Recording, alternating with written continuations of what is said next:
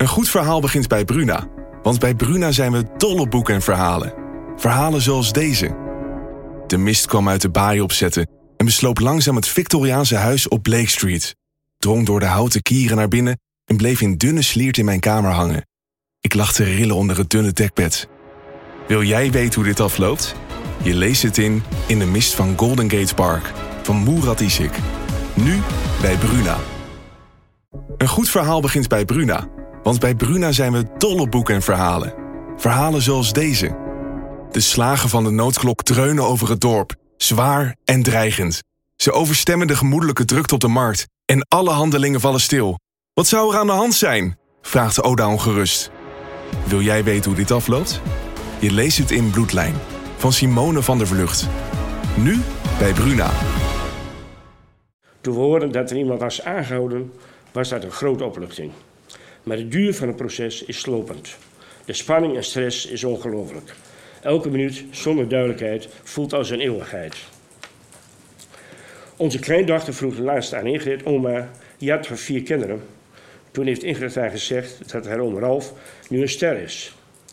Kinderen zijn oprecht en puur, maar zo vraag komt keihard aan. Het verlies van Ralf zal de rest van ons leven beheersen. Niets is meer hetzelfde. Ik ben een ander mens geworden. Ik heb geen angst. Het interesseert me niet meer. Ik ben klaar met de wereld. Voor wat mij betreft is de straf steeds gelijk aan wat wij verloren hebben. Is vermoord en ons hele gezin ermee kapot gemaakt. We hebben geen zicht op de toekomst, maar die is ons afgenomen. Het zou geweest zijn dat we stuk kunnen afronden. Dank u wel, meneer Meijema.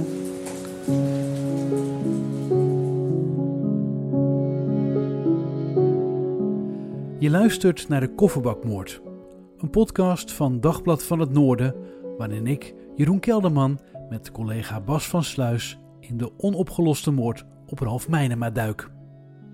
Dit is aflevering 5, het alibi. Moord is het ernstigste misdrijf dat ons wetboek van strafrecht kent. Het meest fundamentele, het recht op leven, is aan Ralf Meinema ontnomen. De dood van Ralf is vijf jaar later nog steeds een open wond, waarvan ik durf te stellen dat hij nooit meer geneest. Je hoorde de vader van Ralf daar net al iets over vertellen. Nu is het april 2022 en eindelijk staat er een verdachte voor de rechter. Zijn naam komt je misschien wel bekend voor. Het is Hans O., die ook in onze eerdere afleveringen een rol speelt. Samen met mijn collega Bas van Sluis bezoek ik de rechtszaak in de hoop op antwoorden. Goedemorgen. Want waarom moest Ralf dood? Een vraag die nog steeds niet beantwoord is. En wie waren nog meer bij deze zaak betrokken? De sporen die zijn aangetroffen in de auto van Ralf zijn van meerdere personen, waarvan er nu maar één voor de rechter staat. Het is alweer drie jaar geleden dat de laatste aflevering van deze podcast uitkwam, dus lijkt het me goed dat ik je vertel hoe het ook alweer zit. Op 31 maart 2017 ziet een vrachtwagenchauffeur s'morgens vroeg de zwarte klassieke Mercedes van Ralf in het water liggen. Meldkamer politie. Hoi. Ik, uh, ik, ik reed net aan stiltjeskraan langs bij de vrachtwagen en dan zie ik een, een, een, een personenauto in het kanaal liggen. De auto ligt deels in het water van het Stieltjeskanaal bij Koevoorde. De achterkant is met de trekhaak blijven steken op de wal. En de ruitenwissers staan nog aan. Agenten denken dat de auto leeg is, tot een van hen de kofferbak open doet. Daar ligt het lichaam van Ralf Meinema. Het slachtoffer is ernstig verminkt. De politie en het Openbaar Ministerie denken dat ze de zaak snel kunnen oplossen. Maar dat blijkt een grote misrekening.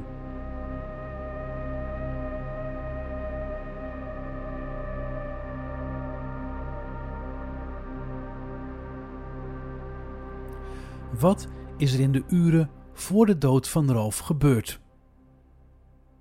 Ralf heeft op de avond voor zijn dood een afspraak met Hans O.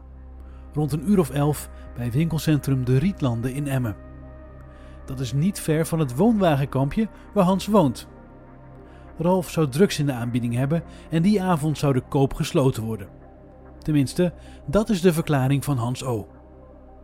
Bas en ik besluiten terug te gaan naar winkelcentrum De Rietlanden in de hoop dat ons meer duidelijk wordt. Dit is eigenlijk het laatste wat we weten, het laatste teken van leven van Ralf. Da- daarom wilde ik hier graag naartoe. Want we weten dat hij hier met Hans O had afgesproken. Dat ze elkaar ook ontmoet hebben. Ja, en dat En daarna eigenlijk weten we niks meer. heeft het contact met Ralf zo'n 5 à 6 minuten geduurd.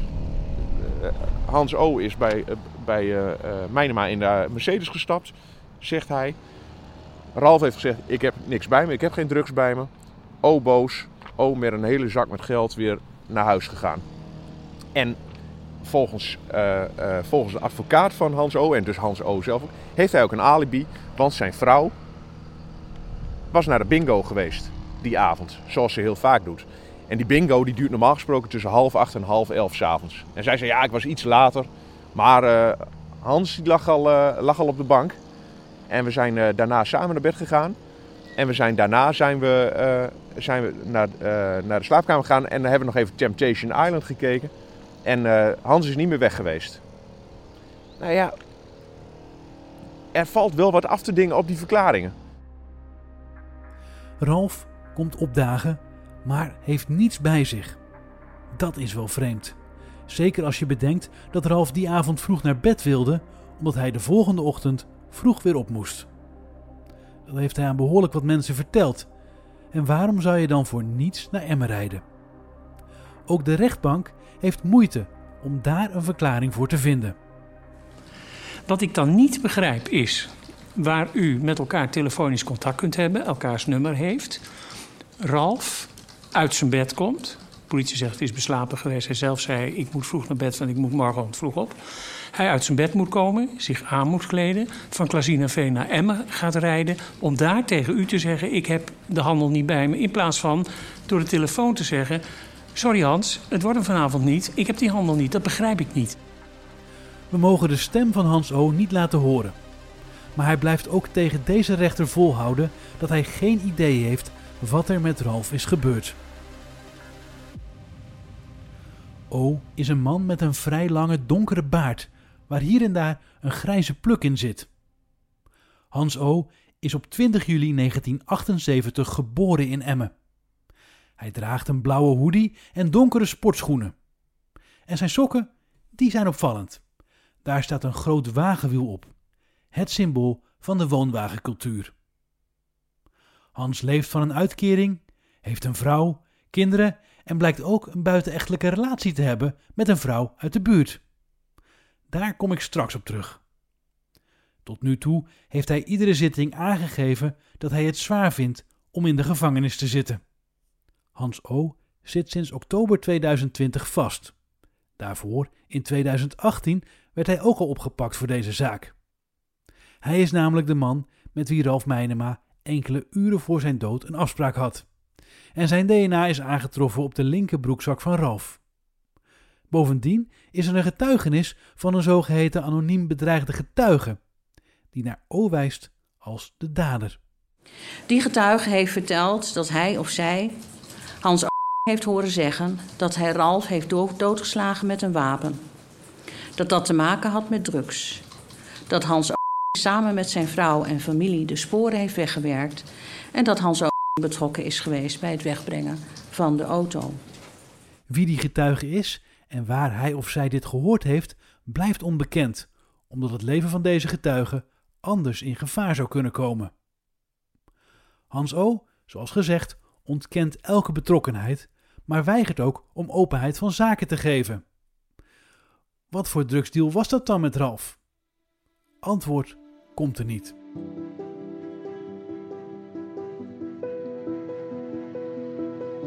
Het verhaal dat Hans O vertelt komt in grote lijnen hierop neer. Hij rijdt ongeveer een week voor de dood van Ralf op zijn blauwe Harley Davidson als de Mercedes van Ralf hem tegemoet komt rijden. De wagen keert en Ralf biedt hem een partij drugs aan. Als hij belangstelling had, dan moest Hans O hem maar bellen, zou Meinema hebben gezegd. Niet via zijn normale telefoon, maar via een prepaid mobieltje. En dat prepaid mobieltje zal later in dit verhaal nog een belangrijke rol spelen. Volgens O spreekt hij af met Ralf bij een hek aan de Noordersloot in de buurt van Klasinaveen om een deal te sluiten. Dat is op de avond voor de dood van Ralf. Getuigen hebben daar zijn zwarte Mercedes zien staan. Hans O zegt dat hij daar was, maar dat lijkt niet te kloppen. Tenminste, het OM heeft grote twijfels bij dat verhaal. En denkt dat Hans O het verhaal verzonnen heeft om een van zijn telefoontjes met Ralf te verklaren. In zijn dossier heeft hij kunnen zien dat Ralf klaarblijkelijk bij het hek was die avond. Waarom het OM twijfelt? Hans O. rijdt op een donkerblauwe Harley Davidson en getuigen zien een witte sportmotor. Collega Bas en ik rijden ook naar het blauwe hek bij het meertje. Dit moet het dan zijn. Ja. Ja, het is inderdaad ja, een verroest hek. Prikkeldraad eromheen. En je zou kunnen zeggen die is blauw, maar hij is eigenlijk groen. Ja. Want het afgebladderde verf, nou ja, Wat vieze doekjes, een chipzak. een bier, een bierflesje. Ja, nou ja, en met het blauwe eh, bordje verboden toegang voor, eh, voor onbevoegden. Hier heeft de zwarte Mercedes van Ralf Meinema gestaan. Even daarvoor, om 18.35 uur 35, heeft, hij, heeft Ralf Meinema afgerekend bij de Oppisopwinkel. Dat is in het centrum van Klasinaveen. Dat staat vast. Daarna is hij naar Mans gegaan. Dat is een kameraad van hem. En eh, daar heeft hij, nou ja, wat zal het zijn, een, een half uurtje, drie kwartier, heeft hij daar op de bank eh, gehangen. En dat werd ook duidelijk tijdens de, de inhoudelijke strafzaak. Daar is Meinema gebeld door Hans O. En volgens Mans ging dat over drugs, wiet. Iets met wiet. Ehm, en Ralf Meinema zou daar ook nog wel iets gezegd hebben van... nou ja, ik ga, ik ga wel even... Ik, ik, ik spreek nog af met, eh, met Hans vanavond. Misschien, kijk wel even. En nou ja, dan zien we wel hoe het, eh, hoe het loopt. Maar ik, ach, ik wil er waarschijnlijk niks mee, mee te maken hebben. Hans O. zegt dat hij hier met zijn motor naartoe is gegaan. Heeft hij uiteindelijk verklaard. Maar twee getuigen die hier de auto van Ralf Meinema hebben gezien, die zeggen nee, dat kan niet. Het was namelijk een witte sportmotor. En eh, Hans O. heeft geen witte sportmotor. Die heeft namelijk een eh, Harley Davidson. Volgens Hans O. zegt Ralf dat hij die avond de drugs zal komen brengen bij de papiercontainer bij winkelcentrum Rietlanden in Emmen. Zoals je net al hoorde, liep die deal op niets uit. Volgens Hans O. heeft Ralf hem daarna thuis afgezet en is hij daarna met onbekende bestemming vertrokken. En dus moet Ralf daarna de verkeerde zijn tegengekomen. Wie het ook was of waren, er is extreem veel geweld gebruikt. Tijdens de rechtszaak wordt duidelijk hoe gruwelijk de dood van Ralf geweest moet zijn. Je hoort de rechter. Ik ontkom er niet aan, eh, familie Meinema, om daar iets van te vertellen. Als u het niet wil horen, ik probeer het eh, zo kort mogelijk te doen, dan moet u maar even de handen voor uw oren eh, doen. Enkele van deze verwondingen waren zeer waarschijnlijk complexe verwondingen, ontstaan door herhaaldelijke geweldsinwerking op dezelfde plek, waardoor het totaal aantal geweldsinwerkingen op het hoofd en het gezicht niet goed is aan te geven, zegt eh, de patholoog-anatoom. In relatie met deze verwondingen waren het schedeldak en de schedelbasis op meerdere plaatsen gebroken en waren de grote hersenen op meerdere plaatsen gekneusd. De letsels zijn het gevolg van herhaaldelijk hard slaan met een deels scherprandig en een deels kantig voorwerp, of met meerdere voorwerpen. En verder heeft hij in het gezicht van Ralf Meinema steek- of snijletsels aangetroffen die zo diep waren dat ze de kaak hebben eh, geraakt. En niet alleen de kaak hebben geraakt, ook een kies er volledig uitgewipt hebben die los in de mond lag.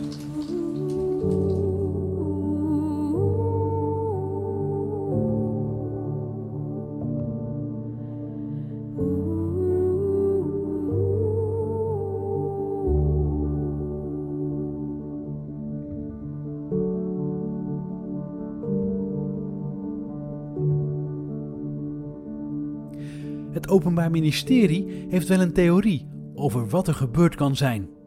Maar keihard bewijs ontbreekt en dat maakt het lastig. De verklaringen van Hans O. rammelen en het Openbaar Ministerie denkt dat hij pas na het lezen van zijn dossier een verhaal heeft bedacht dat min of meer klopt met de feiten die de recherche heeft achterhaald. Vertelt de officier van justitie. In de eerste plaats is het lastig te begrijpen dat verdachte, toen hij eenmaal was aangehouden en hem dus duidelijk was geworden dat hij werd verdacht van een levensdelict, dat hij toen niet direct heeft verteld van zijn handeltje met het slachtoffer. Volgens verdachten ging dit weliswaar om verboden handel, maar dat zal in ernst nooit een levensdelict overtreffen. Bovendien had er ook helemaal geen deal plaatsgevonden, dus in die zin had verdachte ook niets te vrezen. En dat verdachte hier tegen de politie terughoudend over is geweest, kan ik misschien tot op zekere hoogte nog wel volgen. Maar ook toen hij door Barry, Jan en zijn zwager werd gevraagd naar zijn contact met Ralf, heeft hij hen niet verteld dat het ging om handel. Dat ze elkaar die avond hebben getroffen en dat Ralf nog in leven was toen zij afscheid van elkaar namen. Waarom niet? Waarom heeft verdachte tegen Barry, de beste vriend van Ralf, die in blinde paniek was, zelfs ijskoud gezegd dat hij Ralf niet had gezien of gehoord? Dat is mij echt een raadsel. Ten tweede wijs ik op het moment waarop verdachte zijn eerste inhoudelijke verklaring met daarin zijn alternatieve lezing heeft afgelegd. Dat was op 23 april 2018 in zijn zesde verhoor en ruim twee maanden na zijn aanhouding. Door het afleggen van een inhoudelijke verklaring op dat moment heeft verdachte de gelegenheid gehad die verklaring af te stemmen op de onderzoeksresultaten en de inhoud van de dossiers die waren opgesteld ten behoeve van de voorlopige hechtenis. En hier komt ook de buitenechtelijke relatie om de hoek kijken. Maandenlang is de telefoon van Hans O. en zijn familie getapt, afgeluisterd. En zo komt ook zijn heimelijke relatie met een andere vrouw aan het licht. Hij vertelt dat hij niet voor zijn nieuwe liefde kan kiezen vanwege die rotsituatie. Wat bedoelt Hans daarmee? Aan de politie vertelt hij dat de schok voor zijn kinderen te groot zou zijn en dat de woonwagencultuur het niet toestaat om te scheiden. Uit afgeluisterde gesprekken zou blijken dat zijn ouders en kinderen al weten van de nieuwe relatie. En de officier van justitie denkt dat er daarom iets anders achter zit. Nee, naar mijn overtuiging is de reden dat zijn hart niet kan volgen en niet kan verlaten een heel andere. Heeft hem in haar greep, omdat zij hem een alibi verschaft, omdat zij weet wat hij heeft gedaan. Het risico dat hij loopt om haar loyaliteit te verliezen als hij haar inrouwt voor een andere vrouw is veel te groot. Op basis van het voorgaande is de gevolgtrekking gerechtvaardigd dat geen sluitend en betrouwbaar alibi heeft voor het tijdstip waarop Ralf voor het laatst een teken van leven heeft gegeven en ook niet voor de rest van de avond en de nacht.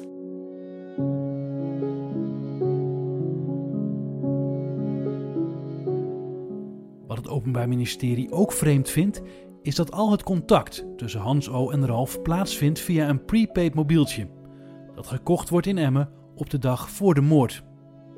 Er is alleen meegebeld naar Ralf en verder niets. De locaties waar de telefoon gebruikt is lijken niet te kloppen met de verklaringen van Hans O.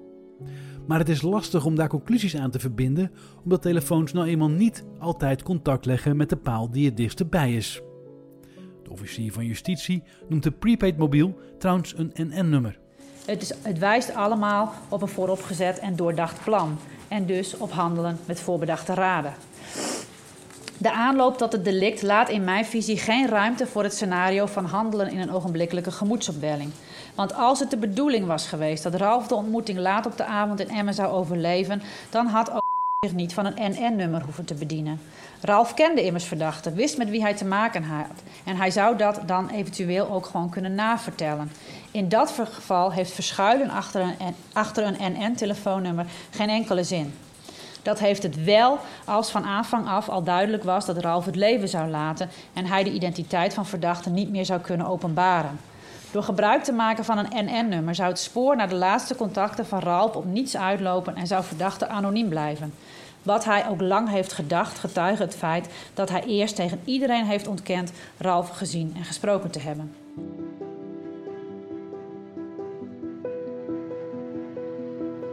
Officier van justitie komt tot een eis van 18 jaar gevangenisstraf. O wordt het schijnbaar onbewogen aan.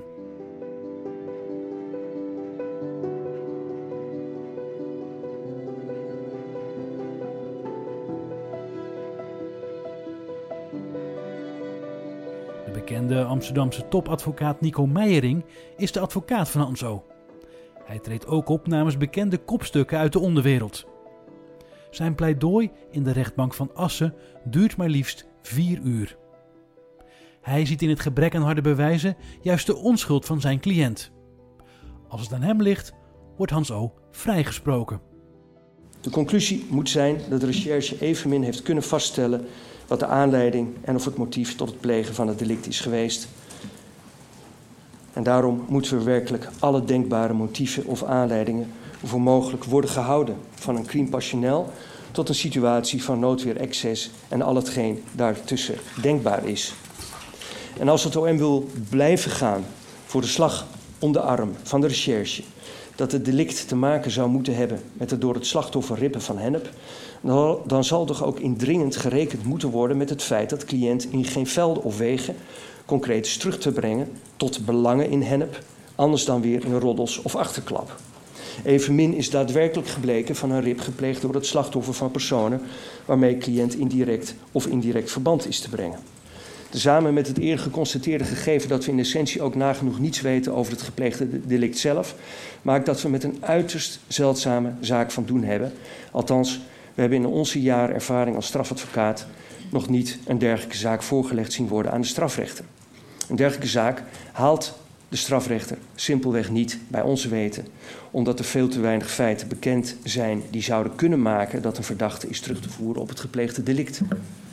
Dat een verdachte, zoals in casu cliënt, is terug te voeren tot het laatste bekend geworden persoon die met het slachtoffer contact heeft gehad, kan onmogelijk zonder meer leiden tot de conclusie dat die verdachte dus wel betrokken zal moeten zijn geweest bij de gewelddadige dood van het slachtoffer. Omdat tussen het laatst gebleken contact tussen het slachtoffer en cliënt en het later gewelddadige overlijden van het slachtoffer nog ettelijke uren hebben gezeten.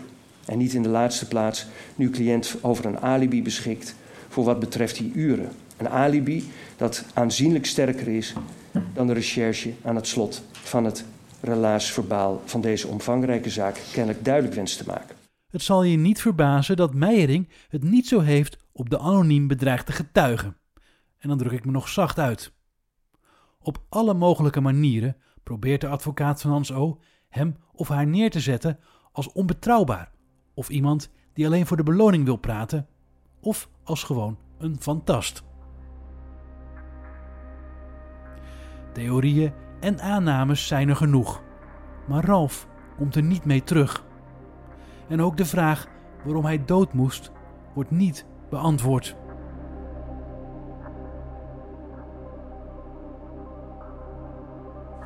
S'nachts droomde ik dat Ralf uit zijn kist stapte en naar mij toe kwam. Toen ik wakker werd, was hij er niet. En besefte ik dat hij nooit meer naar mij toe zou komen. Jouw kinderen kunnen nog wel naar je toe. Jij praat over hoe moeilijk je het hebt. Wij zitten al meer dan vijf jaar in één grote donkere cel waarvan de sleutel is weggegooid. Bij jou komt nog dagelijks licht door de ramen. Jij kunt leven met de wetenschap dat je op een dag je kinderen weer ziet en je celdeur geopend wordt. Voor ons geldt dat niet hoor.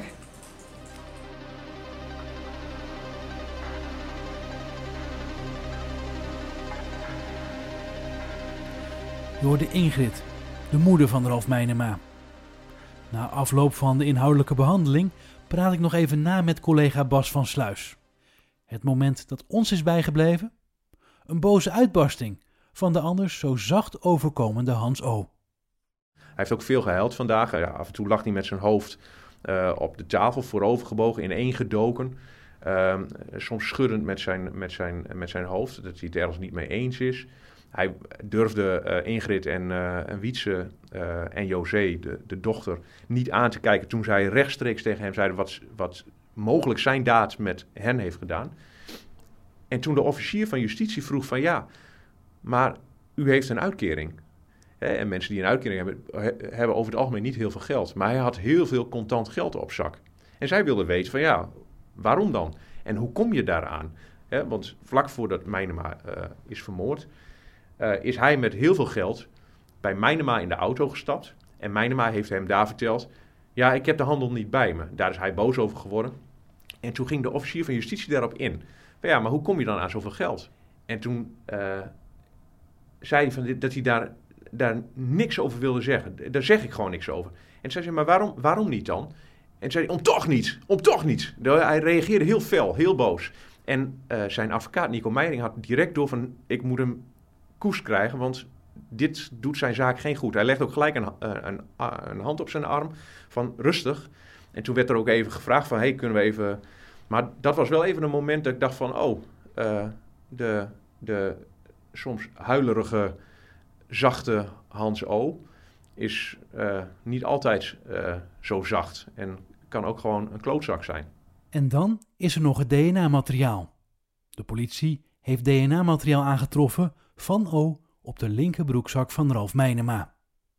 Dat kwam door die eerdere ontmoetingen, is de verklaring van O. Hij is door Ralf thuisgebracht en heeft hem een hand gegeven. Maar het Nederlands Forensisch Instituut vindt dat niet logisch. Hans O. heeft mogelijk iets uit de broekzak gehaald. Heeft Hans O. dan ook het lichaam van Ralf in de kofferbak van de Mercedes gelegd? Nee. Volgens het NFI is het waarschijnlijker dat iemand anders dat deed. Maar wie dan? En vooral waarom? De vragen blijven, zelfs nadat twee dagen lang alle feiten zijn doorgenomen bij de rechtbank. Toch is er hoop dat de zaak ooit wordt opgelost. In de Mercedes is namelijk DNA gevonden van een onbekende man. We noemen hem B. Het zat op een flesje iced tea dat tussen het middenconsole en het gaspedaal zat geklemd. Op die manier had de auto van Ralf zichzelf in het water moeten rijden. Maar dat mislukte. Voor de achterbank lag ook een peuk van diezelfde tot nu toe onbekende man. Als hij ooit tegen de lamp loopt, wordt misschien meer duidelijk.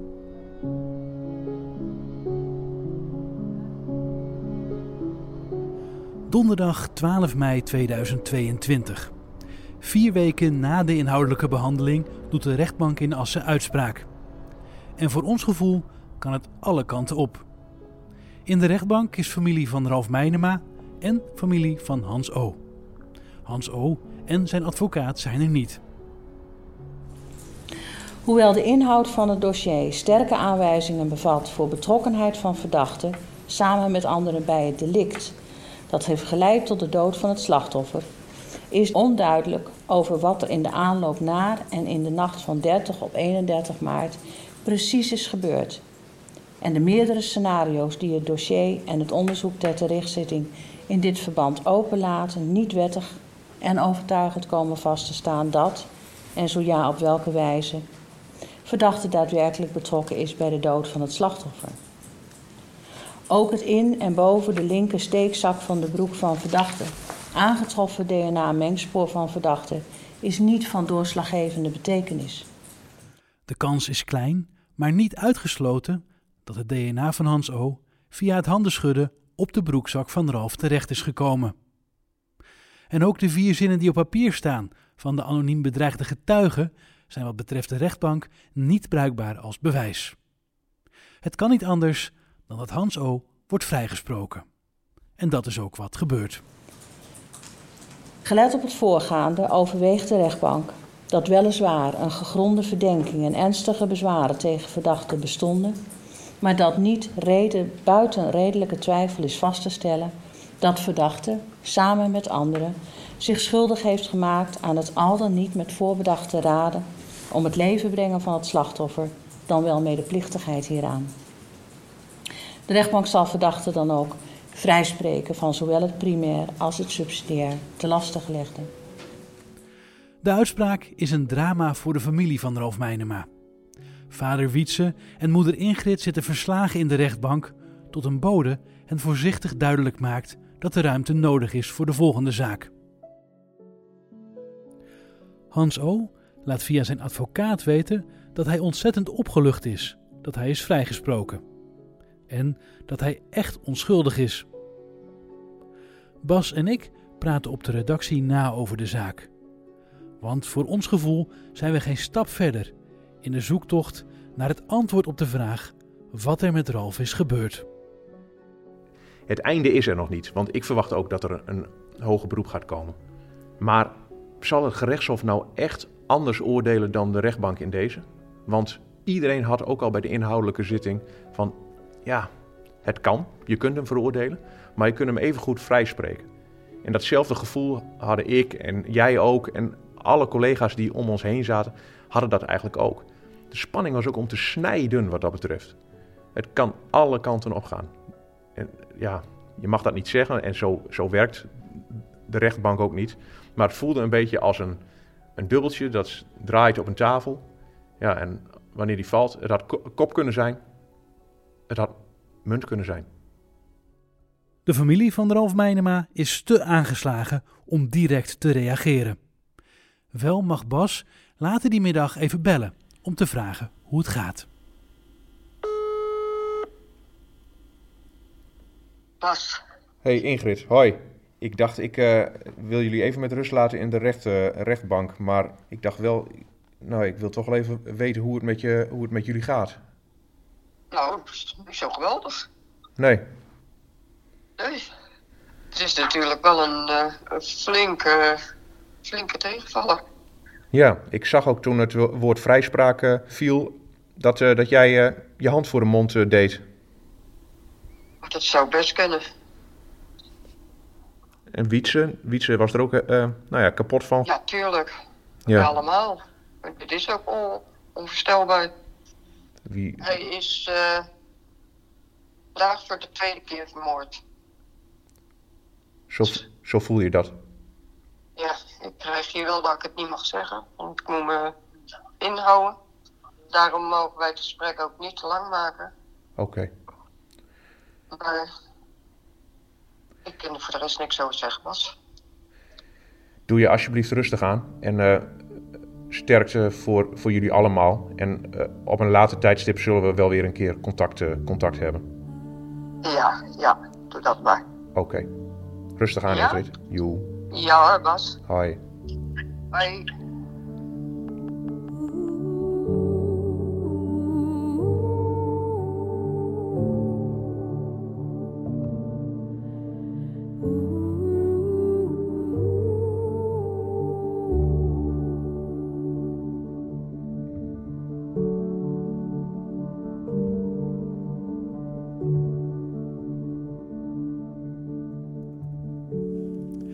Je luisterde naar de Kofferbakmoord, een podcast van Dagblad van het Noorden over de onopgeloste moord op Ralf Meinema. Deze podcast maakte ik samen met Bas van Sluis, Alwin Wups en Lieselotte Schuren. Mijn naam is Jeroen Kelderman. En als je deze podcast leuk vindt, neem dan een digitaal abonnement op Dagblad van het Noorden, zodat wij dit soort producties kunnen blijven maken.